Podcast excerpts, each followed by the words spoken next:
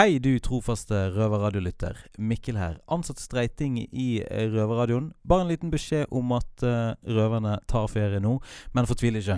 Vi kommer til å sende reprise av de beste episodene gjennom hele sesongen. Og vi begynner selvfølgelig med Erna Solbergs besøk på Bredtvet kvinnefengsel.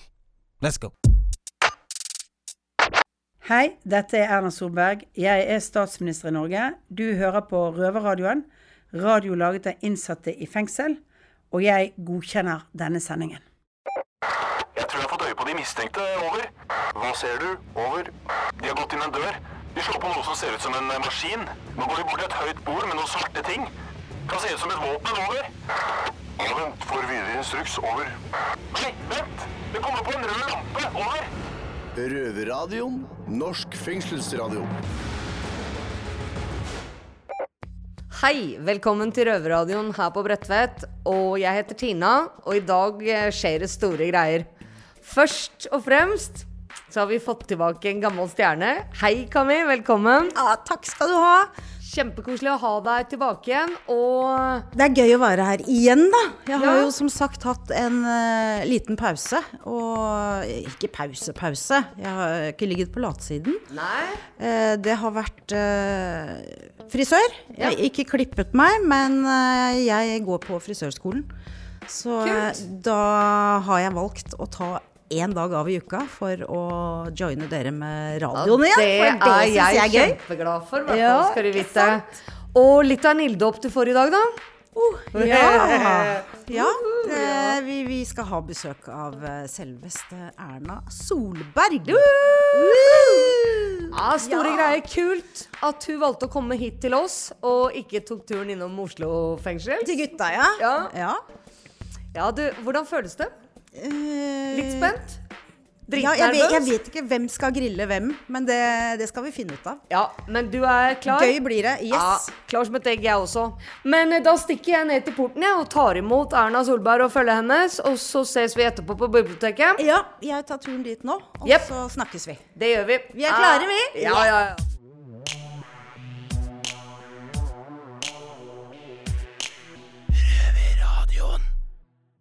Er den på nå? Ok, greit. Hei. Hei.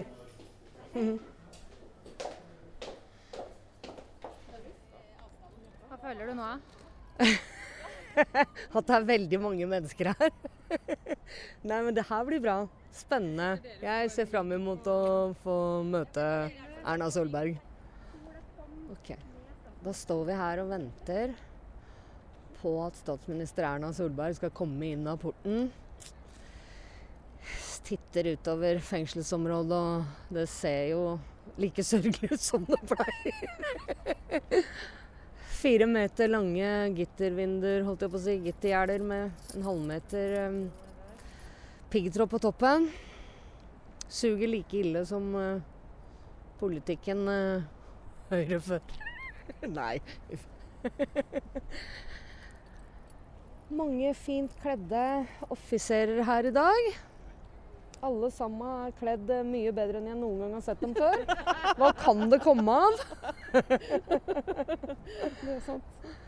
Men eh, det er jo ikke så ofte Bredtvet får storfint besøk, så det blir spennende å ta med inn her hvor jeg bor, og vise rundt, tenker jeg. Da går porten opp, og mm,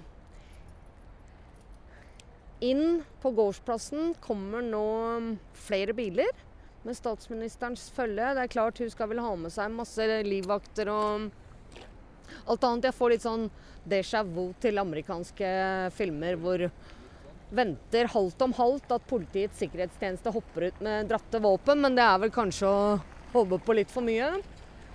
Vi er jo i Norge tross alt. Da stopper den ene bilen rett foran porten her. Skal vi se hvem som kommer ut. Det var nok en av livvaktene. Og der kommer statsministeren. Hei, hei. Hei, jeg heter Tina. Velkommen til Bredtvet eh, fengsel og forvaringsanstalt for kvinner. Hva vil du at jeg skal kalle deg? Det går helt fint. takk for det. Da, Så det den. da får eh, statsministeren mikrofon på, sånn at vi kan høre hva hun sier også. Veldig hyggelig. Ja.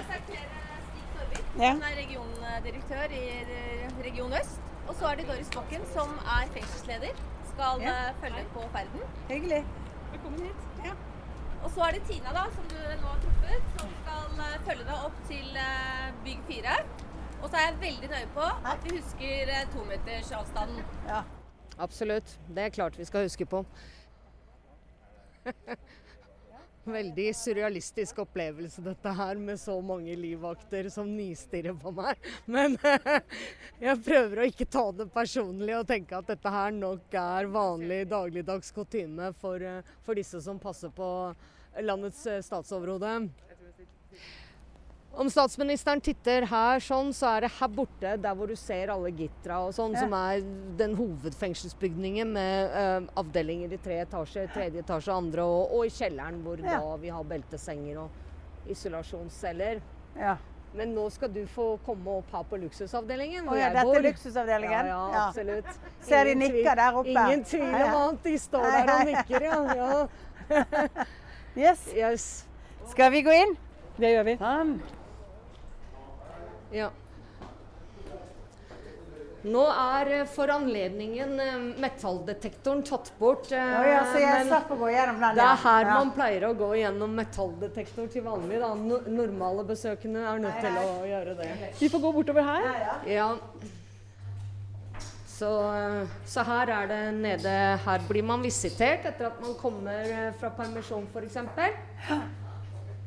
Finn ut at du ikke har tatt med deg noe du ikke skulle ha med deg. Nei, ja, nemlig. Det er viktig å, å sørge for det, ja. Ja. Så den avdelingen vi kommer opp til nå, det er jo da Som jeg sa, luksusavdelingen. ja.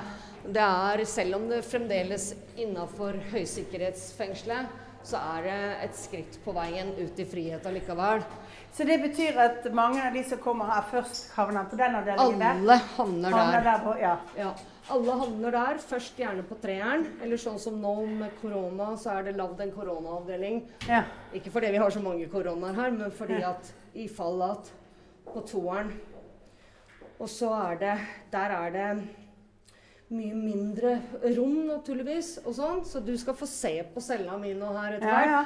Men den er altså da på ikke noe vis representativ for hvordan de fleste fanger opplever hverdagen sin her inne. Sånn at dette her er um, Selv om det som sagt er høysikkerhet, så er det allikevel veldig fritt. Det er ikke gitter for vinduene. Vi får lov, ikke nå når det er korona, men vi får lov å gå tur i nærområdet. Normalt sett kan vi handle utenfor også. Så det er liksom et skritt på veien til en åpen soning nå. Men her inne må du da bare være ute i luftegården bak der, eller på Ja, det der er den lille luftegården. Der går jentene ut som bor i det store bygget og røyker. Og så har vi en litt større luftegård hvor man kan gå litt mer. Ja, for å få litt bevegelse. Ja, nemlig når vi kommer inn på kjøkkenet her på avdeling 4, så kan du titte ut på den store luftegården. Se på den, da. du Ja. Ja, Og du har ryddet selv? Nei, den ser ut som den alltid pleier å være kaotisk, vet du. Ja da, jeg liker å ha orden, jeg, så det, Ja, ja, ja, det er greit. Så her har vi da stue og kjøkken for de ni jentene som bor her. Det er og- ni stykker her, ja. Ja, Ja. og så er det som oftest en tre-fire ansatte. hvor mange er det totalt sett på, på Brettet? Um, da er det 46 plasser, tror jeg. Er det, stemmer det, Doris? Er det 46 innsatte her? 45, 45, her oppe, og så er vi 19 nede på den åpne avdelingen. Ja. 64 til sammen. Hvordan er det med damer i fengsel i proporsjonen av fengselsbefolkningen? Ca. 6-7 60 Eh, Det så er det så veldig liten gruppe. Mhm. Vi har ca. 3500 innsatte, og så er det omtrent eh, litt i underkant av 200 innsatte kvinner er så i landet. Nei, det er jo ikke det, og det er vel kanskje grunnen til at uh, vi ikke får så bra tilbud som mennene ofte får. Hvis du titter ut her, så ser du her er da den eh, store luftegården, hvor eh, alle jentene som bor, eh, altså da 36 stykker, Ja. lufter, eh, har den timen med luft som man får hver dag. Men jeg tror ikke vi skal gå ut der, for som du ser, så er det jo veldig vått der ute. Det er vått, ja. Og du har småsko, så vi får vel prøve å beskytte deg mot det. Men det er der ute jentene er nødt til å lufte hver dag, i hvert fall. En liten basketball og litt volleyball og litt sånne ting. Får dere spilt noe, eller? Ja da, absolutt. Men er det litt bedre vær og litt mer sommer. Ja, det er en fordel som oftest at det er det. Så skal vi titte på mm, cella mi. Hvis jeg finner nøkkelen. Har du låst deg ute fra cellen din? Mange ganger. Men da er det heldigvis betjenter her som oftest med, med nøkkel. Så går det allikevel. Så som du ser, så er det et relativt stort rom. Ja.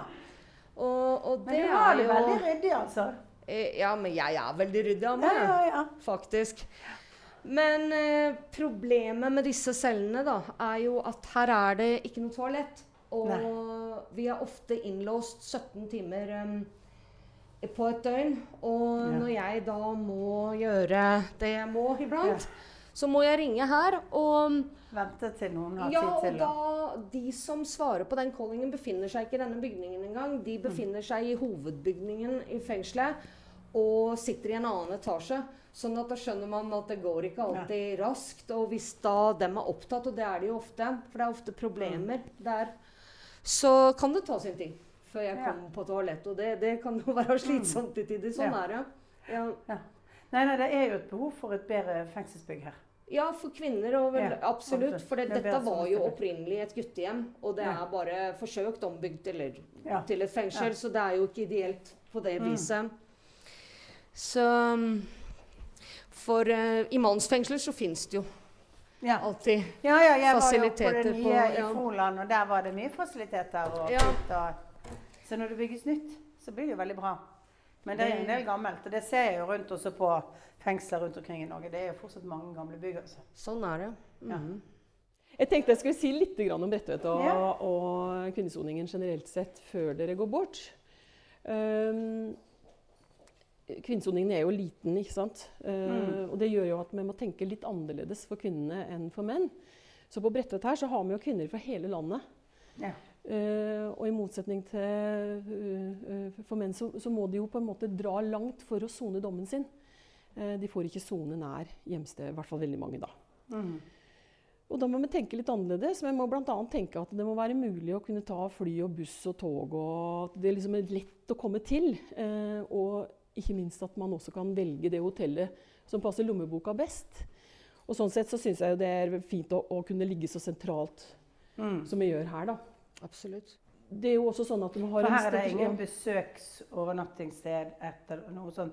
Altså nå etter å ha vært og sett Froland, altså det nye det der Ja. vet du med familieenhet og Ja, ja, altså, besøksmuligheter og sånn, så ja. Vi har en leilighet for barn eh, Ja. som kan besøke mor over natta. ja. Så det har vi her. Den er på utsida. Altså, det vil si at den er altså, på utsida av bygget her, ja. Mm. Men den ligger her inne på høysikkerheten. eh, ja. Mm. Så det er mulig. Men eh, ellers så må de bo i byen, da, og så må de komme hit. Fordi vi har ganske mye nå som Akkurat nå så har vi mange mødre. eh, men så er det jo perioder som ikke det er så mange mødre. ikke sant? Så det, eh, men vi Hva er sånn gjennomsnittsalderen på de som soner her? Det er faktisk ganske høyt. 35. Rundt Mm. 5-37. Det varierer bitte litt. grann. Vi har jo veldig lange dommer her. Mm. Soner her ca. mellom fem og sju år. Eh, og det er jo lang dom i forhold til eh, gjennomsnittet på landsbasis. er det vel under et år. Så fem forvaringsplasser her. Mm. eh, tre i påvente nå, som antageligvis kommer inn. Kanskje to, men i hvert fall, i hvert fall to, da. Um, og så har vi varetekt. Litt relativt lange varetektsplasser her, da. Mm. Så um, det betyr jo at vi prøver å Vi har jo god tid. Og det gjør jo at vi kan, eh, vi kan Folk kan ta utdannelse, og de Mm. kan eh, gjøre mye ut av soninga si mens de er her, hvis de vil. Mm. Altså, ja, jeg måtte bare si det at eh, i forhold til eh, at vi har god tid, ja. Men, men det er jo ikke veldig mye innhold. Det er ikke det? Eh, nei. altså Hadde det ikke vært for Utdanningstilbud og Nav, sånt, eh, Ja. Nav og de kursene Nav eh, Mm. bekoster og tilbyr, så hadde det jo Og skoleplassene er jo få i forhold til hvor mange som er her allikevel. Så hadde det jo ikke vært store muligheter for å utvikle seg egentlig. Det, Mhm. For alle programvirksomhet som var i regi av kriminalomsorgen, er jo borte. Mhm. Eh, det har jo forsvunnet suksessivt de seneste åra. Sånn at innhold eh, fra kriminalomsorgens side, det fins jo ikke på den måten lenger. Men, men det, det vil jeg samarbeider bare med. Nav og med andre tiltaksytere? Ja. Bruker mye, altså Nav har med gode kurs her, og så har vi skolen, eh, som har eh, grunnutdanningen. Mm. Eh, og så legger de til rette for de som ønsker å gå på universitetet. Eh, men det, det er jo et løp hvor vi på en måte må ha universitetet inn ofte. Ja. Eh, så det, det er jo et samarbeid som vi må prøve å få kjelka til. Da. Mhm. Eh, og så har vi god kontakt med, med frivillige. Røde Kors, Wayback eh, og ikke minst eh, Frelsesarmeen. Og mm. det er mange som er inne. Og så har vi sånn som Røverradioen, som har sitt arbeids, eh, sin arbeidsplass bl.a. her, og som sender eh, hver uke. Og det er jo kjempebra tiltak, fordi det er jo også en veldig lærerik plass å jobbe. Veldig. Så det er jo mye innhold her, og det er veldig mye kultur. Kjempeglad for Røverradioen, ingen tvil om det. Ja, det er jo helt unik i verdenssammenheng også Mm. å, å ha en røverradio Men dere som sender herfra, og så sender dere fra Fra? Eidsberg, Bergen, Oslo ja, så det går fengsel. på, ja. går på omgang rundt Ja. omkring, ja. Så som oftest så er det jo gutta som får mest sendetid. Det er jo det, for vi er så få, vi kvinner, i forhold til eh, Så at Det Nei, 67 da. Men, Ja. eh, men er det man snakker om eh, når gutter har sending, like relevant for dere damer?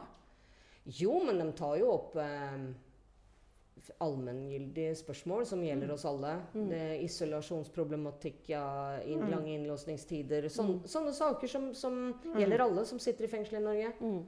Ja, Mm. Så absolutt. Ja. Men det er jo kult å få deg hit, da, til Bredtvet. Ja, ja, når, når vi først har en kvinnelig Ja. statsminister, så er det jo uh, Ja. absolutt på tide Ja. å komme til et kvinnefengsel og, og se hvordan Absolutt. eh, det er for jenter i Norge å sitte i fengsel. Mm. Ja. Det er her, så har, det er på Evje også i dameavdeling, ikke det der? Så det er fem rene kvinnefengsel. Ja. Eh, og så er det noen store anstalter som også har kvinneavdelinger. Mm. Bl.a. i Trondheim og Bergen og Stavanger. Mm. Eh, men vi ønsker i kvinnesoningsstrategien For vi har lagd en kvinnesoningsstrategi som vi har jobba bra med. Mm. Eh, og der ønsker vi på en måte at alle kvinner skal få sone i eget fengsel. Og det er eh, en bedre løsning, rett og slett, fordi det, er, eh, det gir litt ro. eh, og det kjønnsperspektivet blir så sterkt i fengsel. Mhm. Noen syns det er ålreit å sone sammen som menn, men veldig mange ønsker å ikke sone sammen som menn. Hva syns du? Nei, jeg syns at det er greit å sone med bare kvinner. Derfor Mm. at eh, sånn jeg ser det, så behøver vi å beskytte de mest sårbare kvinnene. Og Mm. mange har opplevd problematiske forhold til menn Mm. på utsida. Og derfor så er Mm. jeg prinsipielt imot å sitte med menn. For jeg tror ikke vi får ivaretatt kvinners eh, behov på Nei. den måten. Mm. Yes. Jeg er enig i det. Ja.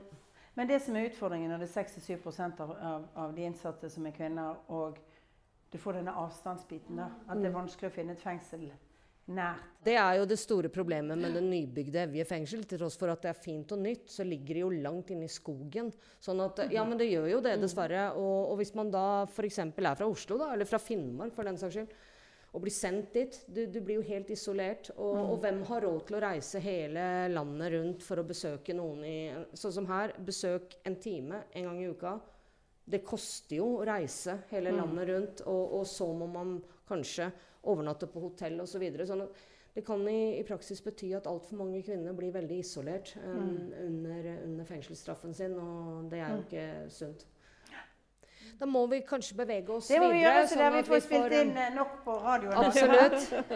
Her er Her er det personale. Her er det eh, celler på denne siden, og så er det toaletter og vaskerom, og så er det personalrom og ja.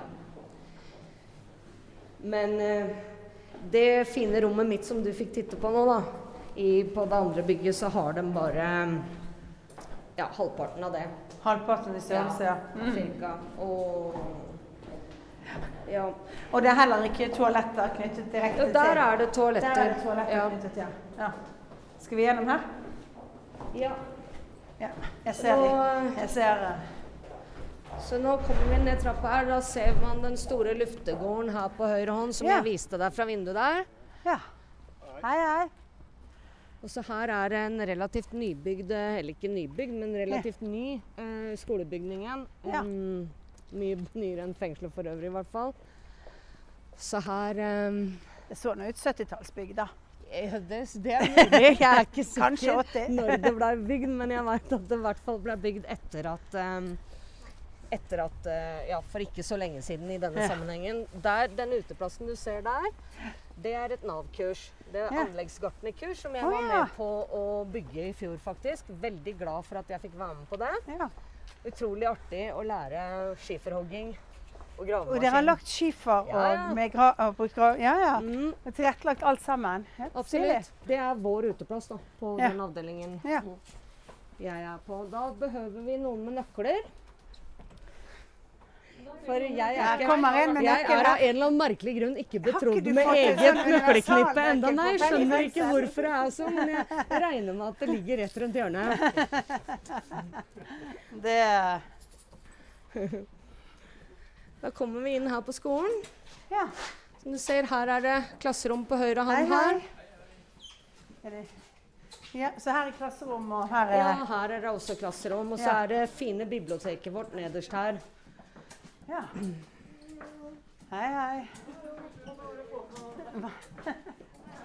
Sånn. Ja da, jeg tror det. So far, so good. Skal vi sitte her? Hei. Hei, hei. Er det en bergenser? Hei. Sånn. Hyggelig. Ja. Skal jeg sitte her? Ah, takk.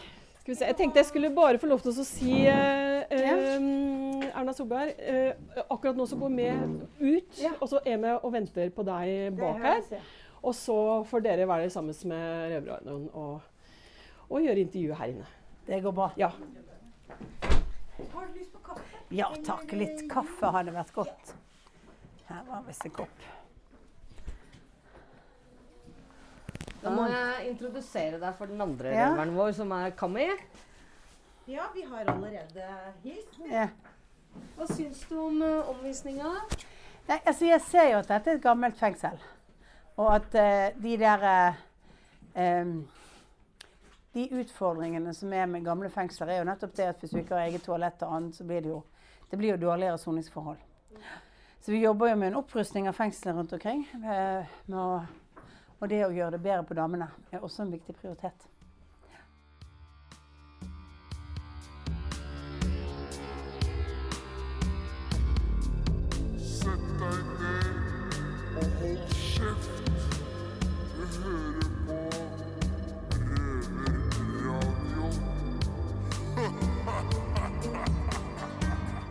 Jeg lurte egentlig på, kjenner du noen som sitter i fengsel? Eh, nei, jeg kjenner ingen som soner nå. Jeg kjenner noen som har vært i fengsel, eh, eh, og som har sonet før.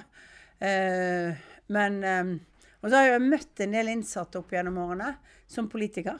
Men eh, de jeg kjenner har, som har sonet, det er jo folk som gjerne da har kommet tilbake igjen og fått seg, kommet seg ut igjen i arbeidslivet. Mm. Og Men er det første gang du er her på Bredtvet? Det er første gang jeg er på Bredtvet. Jeg har vært i ganske mange fengsler rundt omkring i Norge eh, gjennom tidene eh, for å se fengselsforholdene og sånt. Jeg pleier å si at nå, nå når jeg er blitt statsminister, så har jeg sett de beste, for da har jeg vært og sett på de nye. Men før, når jeg var i opposisjon, så var jeg så på de dårlige, for da skulle jeg jo plage de satt i regjering. sant? Ja, ja. Men det er mange dårlige gamle fengsler eh, som har for liten plass og for lite rom og sånt. Og, og, men det er også ganske dyrt å bygge fengsel. Selv om de var flinke å bygge det nye nede i Agder. Det ble billigere. Og eh, det betyr jo at det er enklere å, å kanskje få oppgradert mer. Hva tenker du om kriminelle? Jeg tenker at det er ulike utfordringer som gjør at folk blir kriminelle. Eh, Og jeg har møtt litt jeg har møtt mange av de som har blitt kriminelle, som har, gjør, blir det fordi de har et rusproblem. Som blir det fordi de har hatt en vanskelig barndom. At de har havnet i et, eh, i et eh, miljø som på en måte har brakt de inn i kriminaliteten. Og det er jo den typen kriminelle jeg kanskje har møtt mest av. Og som, som er og så er det jo andre ting som skjer i livet. Noen blir kriminelle ved at de begår bedrageri, at de ikke fikser egentlig ikke så mange andre forklaringer, men de tok et shortcut en gang i tiden. Sant? Og så er det vanskelig å komme tilbake. Mm. Eh, så først og fremst så tenker jeg at eh, mye, mye med kriminalitet dreier seg om eh, barndom, vanskelig oppvekst, utfordringer. No, mye dreier seg om rus. Derfor er det vi jobber med spørsmålet om en rusreform for øyeblikket. I et forsøk på å få fulgt opp med mer behandling fremfor fengselsstraffer. For det blir en ond sirkel. Ja. Men det blir ikke legalisering eller avkriminalisering. Nei, avkriminalisering. det eller ikke sånt. heller, eh. Men det blir, det blir jo et behandlingsopplegg istedenfor uh, istedenfor en eh, eh, bøtelegging og annet og bidra til sone. Men med en gang du driver aktivt salg, har store mengder og sånt, så skal du jo i et straffespor. Ja. Har du noen gang hørt på Røverradioen? Jeg har hørt på Røverradioen én gang, og det er for å forberede meg til dette. Ja, for vi har jo gått på NRK P2 siden 2017, og det er jo helt unikt i verdenssammenheng å, å ha et, eh, et program lagd av innsatte som Mm. går på en statskanal. Hva tenker du om det? Jeg tenker at det er veldig bra, og jeg tror det er en viktig del av det å tenke at uh, vi, uansett hva som har skjedd i livet vårt, og hva man har gjort, så er det jo sånn at det å føre folk tilbake igjen til vanlig liv og kunne mestre livene sine, betyr å normalisere det Mm. i form av altså, å, leve mest mulig sånn som andre. Og så tror jeg vi har godt av å høre hvordan folk som eh, er innsatt, opplever det. For det er mange som tror at fengselsstraff i Norge er veldig soft. Det de glemmer, er at den eh, Særlig hvis du har lange straffer, så er jo denne begrensningen den er ganske, det er inngripende for folk. Det er krevende. Og selv om du kan gå på skole, selv om du kan gjøre ting, så, så er det klart du mister en frihetsfølelse. Jeg tror ikke, tror ikke vi andre klarer å forstå hvordan det oppleves uh, uten at det formidles veldig godt oss. Nei, det, det tror jeg du har helt rett i. Det Mm. er jo frihetsberøvelsen i seg som er straffen, og, og det å ikke få lov til å bestemme noe Ja. av livet sitt sjøl Mm. lenger. Jeg tror ikke vanlige mennesker kan forstå hvor inngripende det er. Når jeg ser på de som er litt sure fordi vi er litt strenge i koronatider, så tenker jeg at eh, Ja, ikke eller hva? Ja, Ja. ja. Ja, men du, hvorfor er eh, ytringsfrihet eh, så viktig for demokratiet? For det at eh, det å Altså det, det å kunne si sin mening, Mm. eh, det er helt grunnleggende for å kunne organisere politiske spørsmål, kunne sette på dagsorden dine behov, dine krav, hva du opplever. Eh, og da er det å, eh, å ytre seg, det å ha muligheten til å gjøre det, det er helt sånn Det er den mest grunnleggende sånn menneskerettigheten. Det og et rettsvesen som respekterer ytringsfriheten, det er jo på en måte forutsetningen for demokratiet. Ja. Hvis du bare kan gå og stemme, men du egentlig ikke kan ytre deg meninger eller annet, så begrenser så er det jo egentlig ikke et demokrati. Nei, det er sant. Mhm. Men eh, vi skal eh, snakke litt om kvinner i Mm. fengsel. Ja, for eh, i april i fjor så klaget Likestillings- og diskrimineringsombudet Tromsø fengsel inn for Diskrimineringsnemnda. Og grunnen til det var at kvinnene i fengselet i større grad var innlåst på cella cella uten eh, tilbud og, eh, og fellesskap enn en de mannlige innsatte. Samt at de fikk mindre likeverdig tilbud om utdanning og arbeid. Og nemnda kom fram til at Tromsø fengsel faktisk eh, brøyt likestillingsloven. Hva vil du eh, som statsminister gjøre for å unngå at sånn lignende skjer i andre fengsler? Nei, så Det må vi jo ta veldig på alvor. Så kan du ha mange sånne forklaringer på hvorfor det ble sånn. sant? Altså, nå har vi snakket om før her at seks 6-7 av de innsatte er kvinner. Hvis du vil sone nært, så er det vanskeligere å Altså nært familie i nærheten og sånn, så er det vanskeligere liksom å ha et spesialtilbud for kvinner. Med den sikkerheten du en, anstalt er nødt til å ha for, for kvinner. Og så, så betyr jo det bare at vi er nødt til å bli mye bedre på det. Altså, vi er nødt til å gi den samme likeverdige tilbudene. Vi er nødt til å gi utdanning og skole. Og så må vi da se på er svaret å ha det vi har noe mest av, eh, hoved, altså egne institusjoner for kvinner, egne soningsanstalter for kvinner, eller er det å ha avdelinger som er, men store nok avdelinger. Um, og så er jo Nord-Norge et problem, da, for der bor færre folk. Og da blir det enda færre kriminelle, og så blir det enda mindre andel av de som er kvinner. Sant? Og da ender det opp med at det blir en ganske liten enhet i så fall til slutt. Men de skal ha samme rettighetene. Og det betyr at vi er nødt til å understreke og sørge for at de får det. Det betyr mer penger, det, da? Det må det bety, å bruke de pengene på den måten at vi sikrer eh, likeverdige tilbud eh, til alle som er, eh, som er innsatt, og som trenger samme muligheten til oppfølging. Muligheten til å kunne gå på skole, muligheten til å ta seg utdanning og til å forberede seg på livet etter at man har sonet. Men så er det dette Jeg tror kanskje at for mange kvinner så, så er jo det det der valget med um, nærhet for å kunne få besøk oftere. Det blir også et dilemma hvis vi, når, vi, når det er såpass liten andel av de kriminelle i Norge, eller de som blir dømt, da, som er kvinner. Men øh, når Norge skryter til utlandet om ø, gode kriminalomsorgen sin, så er det alltid Halden og Bastøy fengsel som blir vist fram, og, og det ser jo forferdelig flott ut. Jeg har venner i Sverige, f.eks., som som lurer på om ikke jeg kan sitte sånn. Og svaret er jo at nei, det kan jeg ikke. Det fins ikke sånne fengsler for kvinner, og det fins heller ikke egne overgangsboliger for kvinner. Hvorfor er det sånn? Burde det ikke vært likestilt for mannlige og kvinnelige innsatte i norske fengsler i år 2020? Jo, og vi begynner jo å bygge opp altså Avdelingen på Evje er jo en ny kvinneavdeling som også bidrar til at det er bedre soningsforhold eh, for kvinner der. Men det er jo sånn at vi gradvis nå jobber med å, å forbedre fengslene i Norge. Sånn at, altså Det er jo en del dårlige fengsler for menn òg, for å si det sånn. Jeg har jo sett noen av de eh, med gamle bygninger og annet. Så vi jobber jo gradvis med å få bygget opp nye nye fengsler, så er vi jo akkurat nå i en litt sånn kritisk situasjon, for vi må gjøre hovedprioriteringen vår på nytt fengsel må rett og slett bli Oslo. Det syns vi jo. Ja, for det, nei, altså for det, det har jo med det bygget er helt uegnet. Og så må vi bare få eh, Mens jeg, alle andre steder i landet vil folk ha fengsel. Så av en eller annen merkelig grunn i Oslo så vil de ikke ha fengsel. Ja, det er veldig der hvor vi merkelig. mener det burde være. Ja. Det syns jeg er litt rart, for eh, andre steder ser de arbeidsplasser, muligheter og ting, og eh, gjerne vil ha det. Men Oslo har det vært litt vanskeligere å finne et eh, godt sted å bygge på. Men mye av den eh, eh, retorikken som har blitt ført for å ikke bygge fengsel her, da, er jo ganske bak eh, mål, holdt jeg på å si. Altså, det, det stemmer jo ikke, den problematikken de har tegna opp i hele tatt. Så, så eh, ja. Nei, jeg tenker at det er en debatt vi skal ha, altså Oslo kommune, og, og vi må ha liksom om hvor og hva og på hvilke steder og sånt. Men, men det er litt, det tar lengre tid eh, når, å få det til.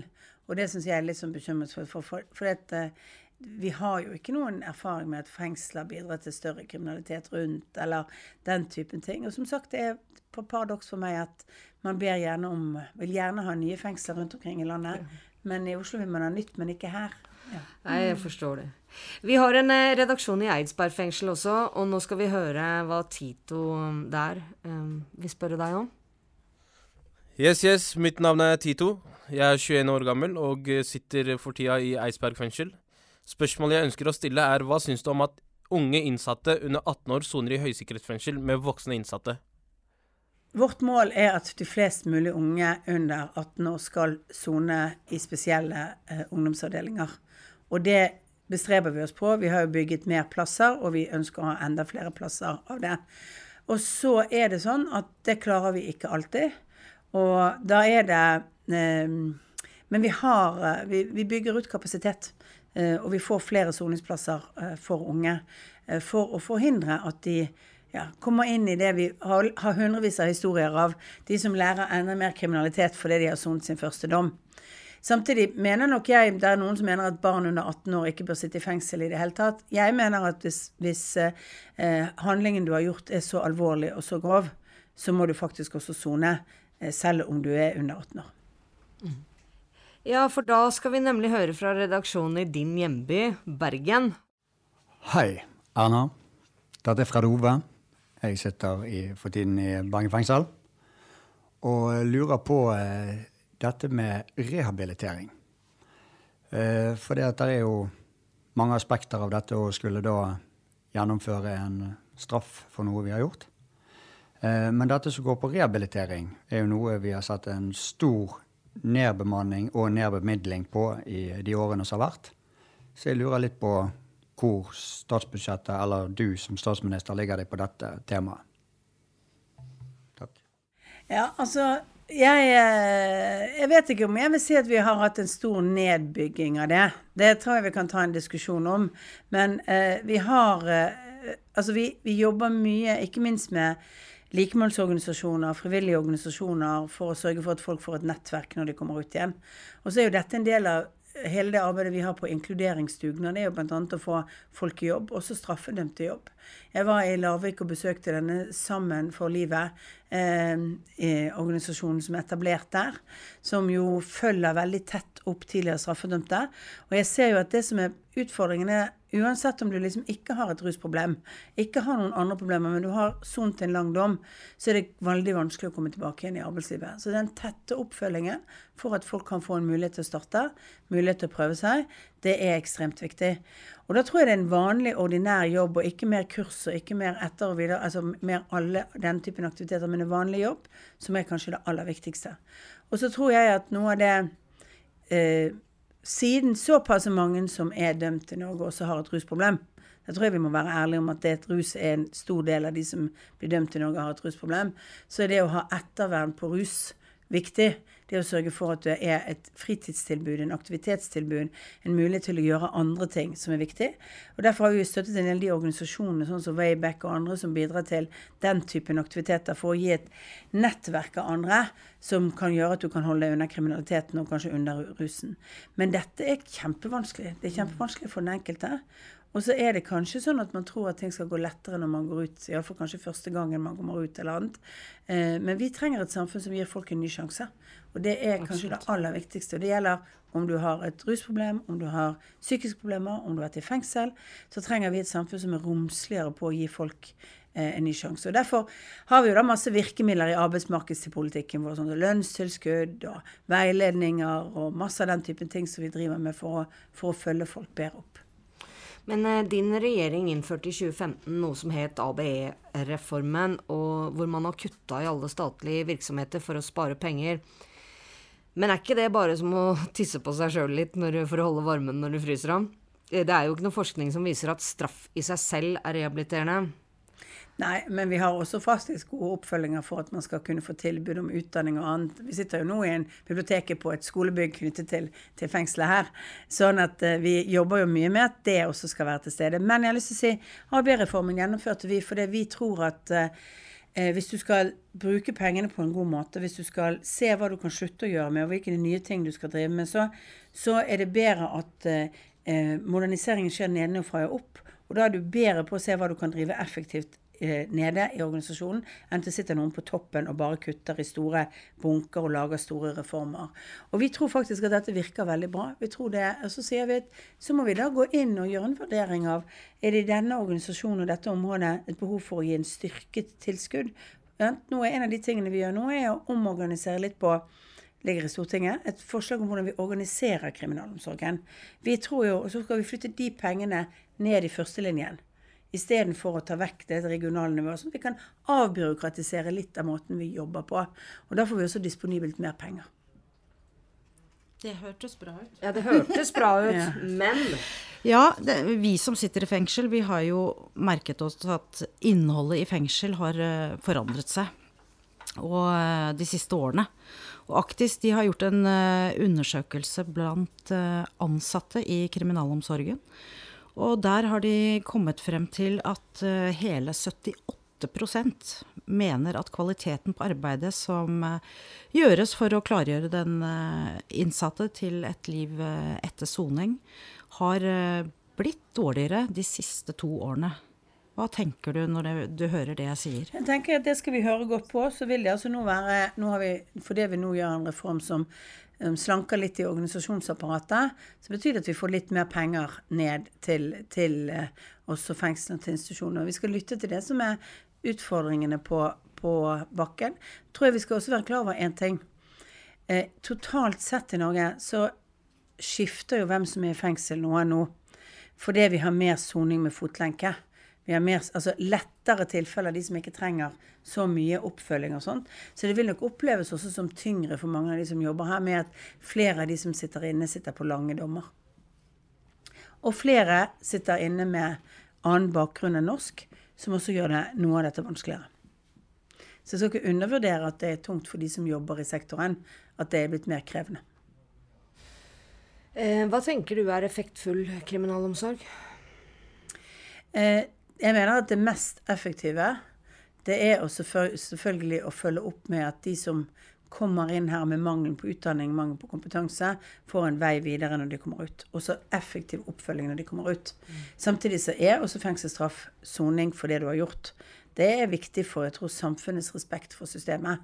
Eh, at eh, hvis man eh, Altså hvis, hvis man begår en voldtekt, hvis man begår et eh, stort straffbud, hvis man begår, så forventes nok vårt samfunn at det da også skal være en reaksjon på det.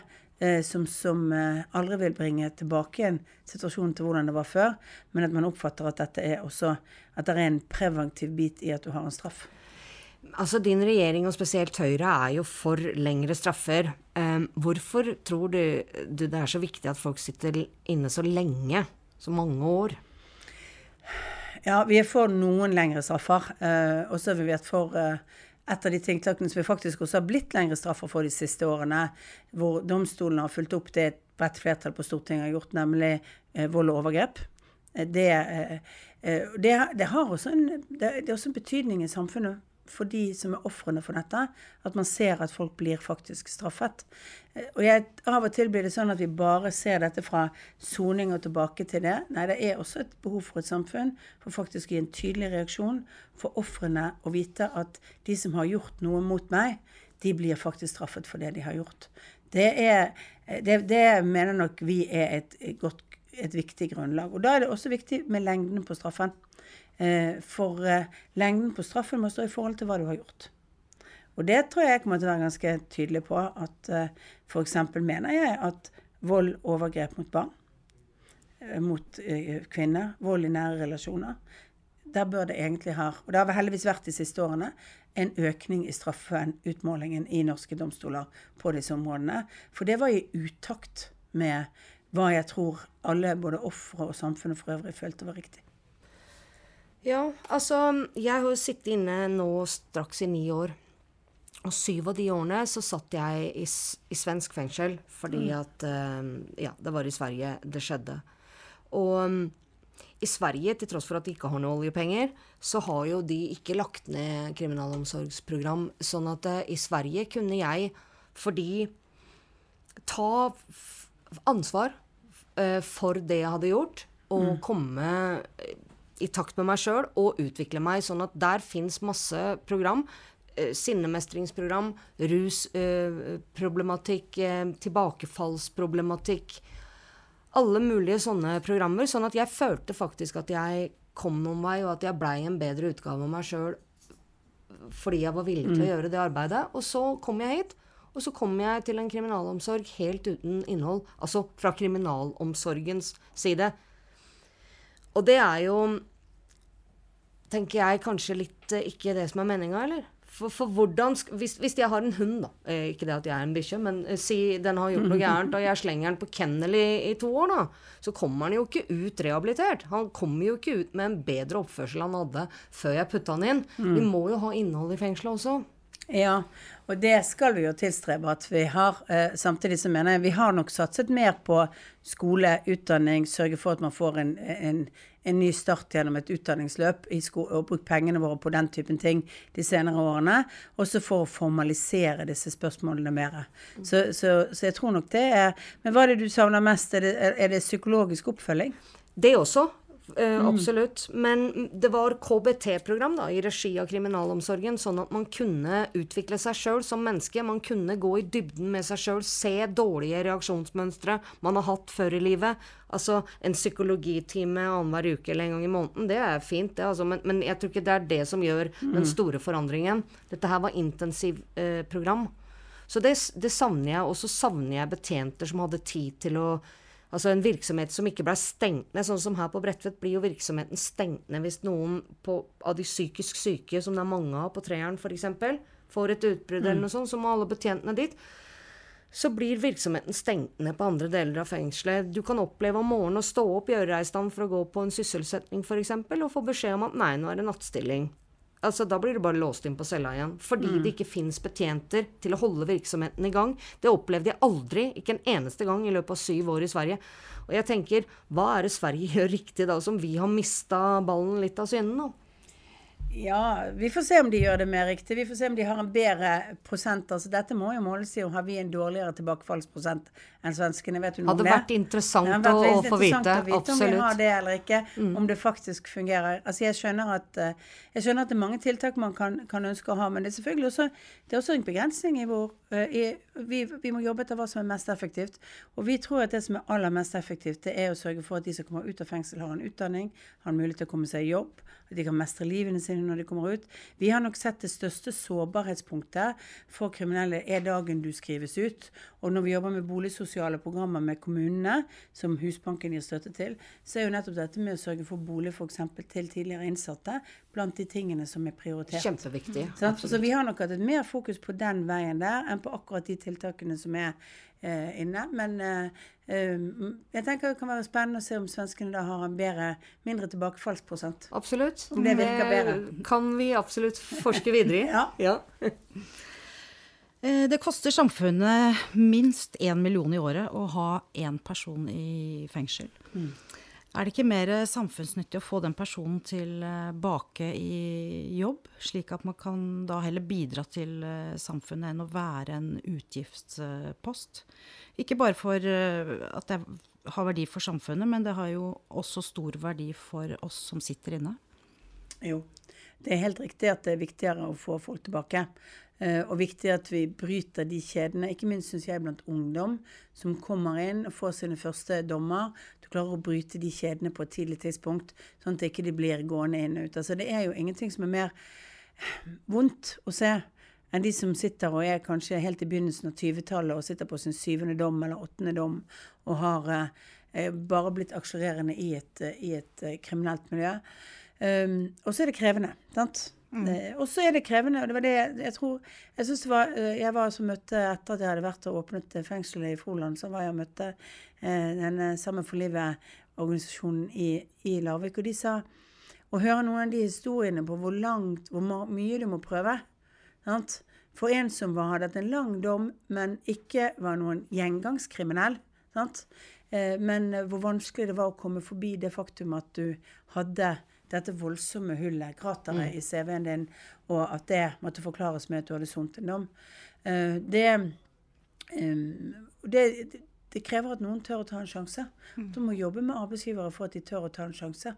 Uh, og derfor er jeg også litt sånn Nå skal vi ha um, uh, politiattest på alt mellom himmel og jord. Eh, og jeg, det blir liksom en infl inflasjon i å gjøre det. Jeg, jeg tror at det er viktig å si at du må også gi folk en ny sjanse, selv om de har en politiattest som viser at de har gjort kriminelle aktiviteter i løpet av livet sitt. Det var eh, veldig bra sagt. Ja. Eh, da skal vi høre fra Oslo fengsel eh, hva de vil spørre deg om. Det er Christian og Carl i Oslo fengsel. I loven står det at vi innsatte skal være ute av cella i minst to timer hver dag. Men KDI, Sivilombudsmannen og flere andre anbefaler at vi bør være ute av cella og sammen med andre i minst åtte timer hver dag. Ja, rett og slett, for det er skadelig. Man blir syk av å sitte så mye alene. Her i Oslo fengsel er det mange som er innelåst over 20 timer i døgnet. Hvordan tør dere å la folk sitte så lenge isolert når så mange instanser sier at det er direkte skadelig for folk å sitte alene så lenge? Tenk, det kan bli naboen din. Ja, eh, dette har jo litt å gjøre med hvor gode altså fengselsfasiliteter vi har. Eh, hvordan man kan ha lufting og uteplasser uten at man eventuelt møter veldig mange andre. At man har kontroll på det. Og Oslo fengsel er jo et fengsel vi nå har høyest på prioriteten for å bygge nytt fengsel for å få bedre forhold. Og så er det klart at eh, eh, vi, eh, vi tilstreber, men det er jo også en gradvis utvikling i hvor mye kontakt du har. Det er litt avhengig av egen atferd òg. Hva slags soningsforhold du får. Det er jo òg litt av trappene internt i et, i et soningsløp. Eh, hvis du tilpasser deg andre, hvis du ikke lager bråk, så er det lettere å få mer luftingstid, mer tid sammen med andre. Altså denne gradvise utviklingen. Eh, og det tror jeg egentlig at våre fagfolk er ganske gode på å gjøre vurderinger av. Men vi trenger å se, se andre folk, det er helt riktig. Samtidig så er det jo eh, viktig å holde kontroll i et fengsel. Absolutt, men mye av isolasjonsproblematikken handler vel om at det ikke fins betjenter nok. Rett og slett, det fins ikke penger nok. Det er ikke fordi at de innsatte etter dom og et, pga. dårlig oppførsel i fengselet fortjener å bli isolert i så lange perioder. Det, det stemmer faktisk ikke. Nei, og så er det fordi vi har for dårlige fengsler noen steder. Og derfor, derfor er det vanskelig å ha lufting hvor du kan separere grupper og personer og sørge for at vi liksom har kontroll over situasjonen. Og det er jo liksom litt, litt av det som gjør at når vi nå bygger nye fengsler, så får du også bedre og annerledes luftingsforhold og muligheten til å dele opp bedre. Eh, og mer fokus på det at du kan være sammen. Ja, Det høres bra ut, fordi studier viser at eh, hele 92 av ansatte viser tegn til psykiske lidelser. Og um, fra Aktis-undersøkelsen vet vi også at 73% av de ansatte mener at uh, vi ikke får den oppfølginga vi behøver for de psykiske problemene vi har. Og at det bare er 13% av de ansatte som mener at de innsatte får adekvat uh, helseoppfølging. Det er, det er ganske skremmende tall, og da prater vi ansatte, ikke innsatte. Hva tenker statsministeren om det? Nei, det er nok riktig at vi ikke er gode nok på oppfølgingen. Vi er jo ikke gode nok på psykisk helse totalt sett i det norske samfunnet. Det er jo både psykiater og psykologer er en, er en ressurs vi har for få av. Derfor både utdanner vi flere, eh, bygger opp eh, rundt omkring i samfunnet. Men det er også sånn at vi har mangler eh, og ventetider i hele samfunnet vårt på, på psykisk helse og psykisk oppfølging. Absolutt, men, men når så mange psykiatriske pasienter havner i fengsel istedenfor behandling, så er det jo noe som du kanskje kan ta grep om, eller? Ja, altså om psykiatriske Altså du havner i fengsel fordi du har vært, eh, gjort en straffbar handling eh, som ikke er i psykose. Sant? Det er jo da du havner i fengsel, bare sånn at vi er ryddige på hvor, hvor og hva som er kriteriene. Eh, det er en, en handling du skal ta ansvar for selv om du har psykiske problemer. Vi har alle utfordringer med mental helse over tid, så vi må passe på at vi ikke unnskylder. Det tror jeg er viktig at vi ikke unnskylder eh, kriminelle handlinger med, med eh, belastningene eller psykiske utfordringer. Det er masse mennesker som faktisk har store psykiske problemer, som ikke begår kriminelle handlinger i vårt samfunn. Absolutt. Vi er, vi er litt ryddige på at det er handlingen, og du må ta ansvar for handlingen. Det er, Men- det er en grunnlag for dette.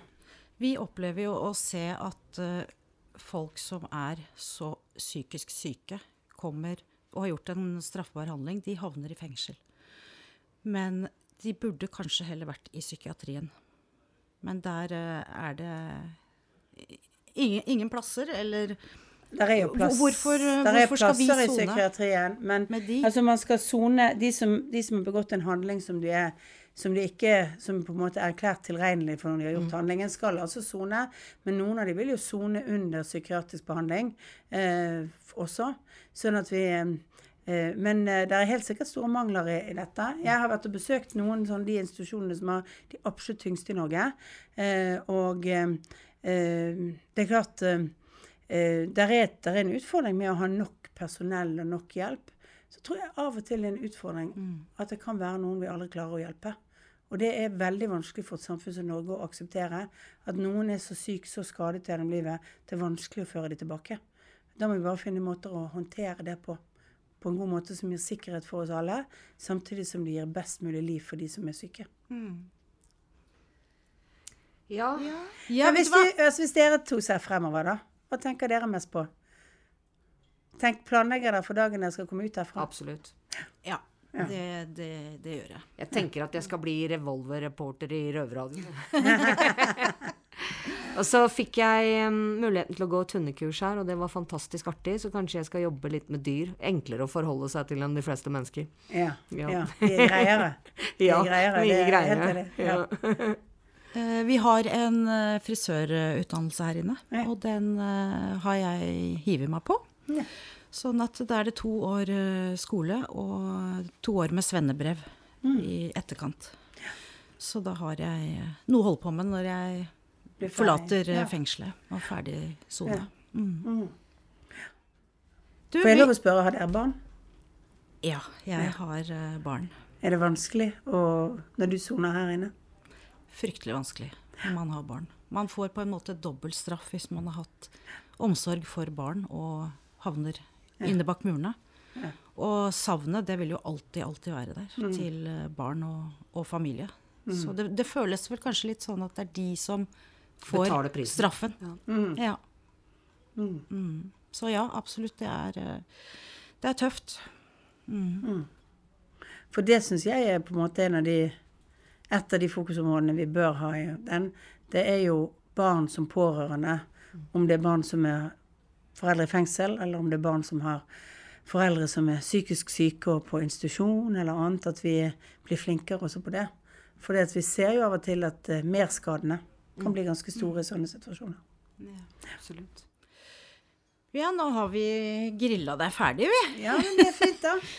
Eh, så eh, jeg tenkte å spørre deg Vi har hørt noen rykter om at du er den første som eh, spretter opp om morgenen, og den siste som eh, legger seg.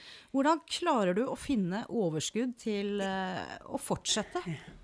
Jeg er ikke den første som spretter opp om morgenen. Jeg er et veldig godt B-menneske, men jeg har selvdisiplin på en måte stå opp. Men den som er først oppe i regjeringen, det er, er utenriksministeren Ine Marie Søreide. Hun er oppe i firetiden om morgenen. Helt umenneskelig. Så der blir du slått Men jeg tar heller kveldsskiftepleie. Jeg synes Hvis vi er arbeidsdeler, så kan Ine Marie ta morgenskiftet, så kan jeg ta kveldsskiftet. Ja, ja. Det, jeg er litt dårlig på å gå og legge meg. Du har jo klart å jobbe deg opp til å få den viktigste jobben i Norge. Har du noe råd å gi til eh, innsatte som ønsker å snu livet sine rundt? Um, at du må være tålmodig. Det er faktisk sikkert det vanskeligste å si til folk, men altså, du må være litt sånn Altså, ting, eh, ting tar jo ofte litt tid når det gjelder om det er å skaffe seg en utdanning, eller om det er å liksom komme seg videre. Sant? Og du må tåle et par tilbakeslag. Altså, alle politikere har tålt noen tilbakeslag. altså Ikke sånn eh, fundamentalt og vanskelig, men sånn Du kan ikke hele tiden tro at det bare er Jeg tror det, det der å ha litt tålmodighet med seg selv òg er litt viktig. At du ikke gir opp. Det, Mm, godt råd. og så tenker jeg at eh, det å ha noen fastpunkter, noen mennesker å som du har god kontakt med, det tror jeg er viktig for oss alle. Absolutt. Men du har eh, vært åpen om eh, dysleksien din. Mm. Og det er jo en lærevanske som mange på innsiden her eh, deler. Hva slags råd har du å gi til andre med samme type utfordring? Ja, jeg har en utfordring som gjør at jeg egentlig ikke hadde så store problemer med å lære meg å lese. Men jeg har problemer med å skrive. Altså jeg staver til hulter til bulter. Og det er en, det tar det, det tar, de fortalte meg når jeg var testet, at, at det jeg ser er og hører et lydbilde, jeg ser ikke et skriftbilde av et ord. Sånn at jeg, det blir lyden jeg skriver. Og, og det tok jo lang tid. Etter hvert så lærer du jo hvert ord, sånn at du vet hvordan det skal skrives. Men det tar mye lengre tid enn det gjør for andre. Um, uh, og derfor, men jeg, jeg tenker at det som er Det å ta det litt med ro. Og du kan, alle kan lære å lese og skrive. Eh, men eh, eh, det er forskjellige metoder for det. Og det finnes massevis av forskjellige hjelpemidler for det. Og det viktigste er å si at for barn og unge som går på skolen, så er det jo massevis av hjelpemidler for å få lest opp tekst, sånn at du kan eh, få at datamaskinen leser samtidig som du ser. Sant? Det er mye sånn, Så søk de hjelpemidlene. Hvis man er her og går på skole og egentlig har et lese- og skriveproblem i utgangspunktet som gjør at man har fått den nederlagsfølelsen av utdanning, så forsøk liksom Og veldig ofte så er det bare det at du får lest opp tekst samtidig som du forsøker å se, hjelper deg til å eh, skjønne og forstå, forstå mer av det. Så det er massevis av hjelpemidler. Så bare husk at man ikke er dum fordi man har lese- og skriveproblemer. Det er bare det at hjernen din fungerer litt annerledes. Mm. Og det er mange ganske glupe folk som har blitt eh, eh, som har lese- og skriveproblemer. Albert Einstein, som vel av mange mener er blant de glupeste i verden, han, eh, han hadde også lese- og skriveproblemer. Ja. Vi må bare spørre deg. Har du noen gang gjort noe kriminelt, Erna Solberg? Jens Stoltenberg han innrømma jo f.eks. at han hadde røyka hasj en gang. Kan du by på noe like saftig, eller? Uh, har jeg uh, Altså, jeg har jo helt sikkert kjørt for fort. Jeg har aldri blitt tatt for å kjøre for fort. Og så er jeg egentlig litt sånn passiv. Eh, passiv kjører sånn. sånn. Men jeg, min mann kjørte bak meg en gang. Vi hadde to biler. Vi var på tur et eller annet sted og skulle forskjellige steder. Da gjorde han meg oppmerksom på at jeg hadde altså kjørt 80 i en 50-sone når han lå bak. Så det er sånn, eh, jeg tror ikke jeg har noe så veldig mye mer juicy, juicy ting eh, enn det som er på en måte den eh, eh, kriminelle løpebanen, nei. Eller ulovlige. Men, Men altså, du er altså da en fartsgærning, ja? Eh, egentlig ikke, for det er veldig uvant meg. Jeg, jeg, jeg er mer den som kjører inn til siden og slipper køen bak meg forbi, egentlig. Men eh, litt uoppmerksom på skiltene, kanskje. Ok. Ja, helt til slutt. Vil du si noe til innsatte i norske fengsler? Ja. Eh, først og fremst eh, si at eh, det er veldig viktig at man tenker på at verden ikke trenger å være sånn som den var når man kom inn, når man kommer ut. Og det å tenke at man skal planlegge for den verden etterpå. Eh, og så tenker jeg at alle Det er veldig forskjellig, men mange opplever kanskje med sine egne handlinger at de har eh, anstrengt familien sin mye. Eh, og det å forsone seg og kanskje ha kontakt med familien er ekstremt viktig. Det gir oss mer rustning alle sammen. Så de to tingene ville jeg sagt. Planlegg for fremtiden etterpå, og planlegg for den både uten rus og uten kriminalitet. Eh, og ta hvert steg av gangen. Og skaff deg noen likemenn på veien som du kan snakke med. Noen som har kommet seg ut av det, den onde sirkelen de har vært i. Takk for det. Takk for, Takk for at du kom. Ja. Veldig hyggelig å være her. Ja. Mm. Kjekt å treffe dere. Takk for det. Veldig hyggelig å møte deg. Veldig hyggelig, ja. Det var ikke like skremmende som jeg hadde tenkt Nei, på nei, nei, forhånd. det kan Det jo ikke være.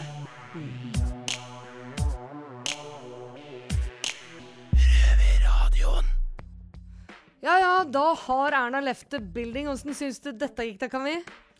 Jeg syns det gikk kjempebra. Jeg skulle gjerne ha stilt henne flere spørsmål. Jeg Men det var, tida var litt knapp, da. Ja. Kjente litt på det tidspresset hadde der, faktisk. dine spørsmål og jeg mine, og så svops, så var vi ferdig. Ja.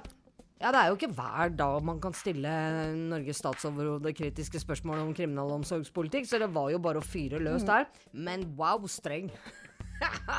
det var ikke noe kjære mor der, altså. Jeg tror eh, Ja. Men man blir vel ikke Norges statsminister med å være altfor under kanten? Nei, ikke uh, jatte med sånn som vi gjør til eh, betjentene. fra fra sjøl, kjerring. Det gjør ikke jeg, altså. Her skal det ikke jattes verken hit eller dit. Nei, men ærlig talt, jeg syns det gikk eh, bra, jeg. Ja, det syns jeg òg. Var eh, fornøyd med intervjuet, jeg. Absolutt. Jeg òg.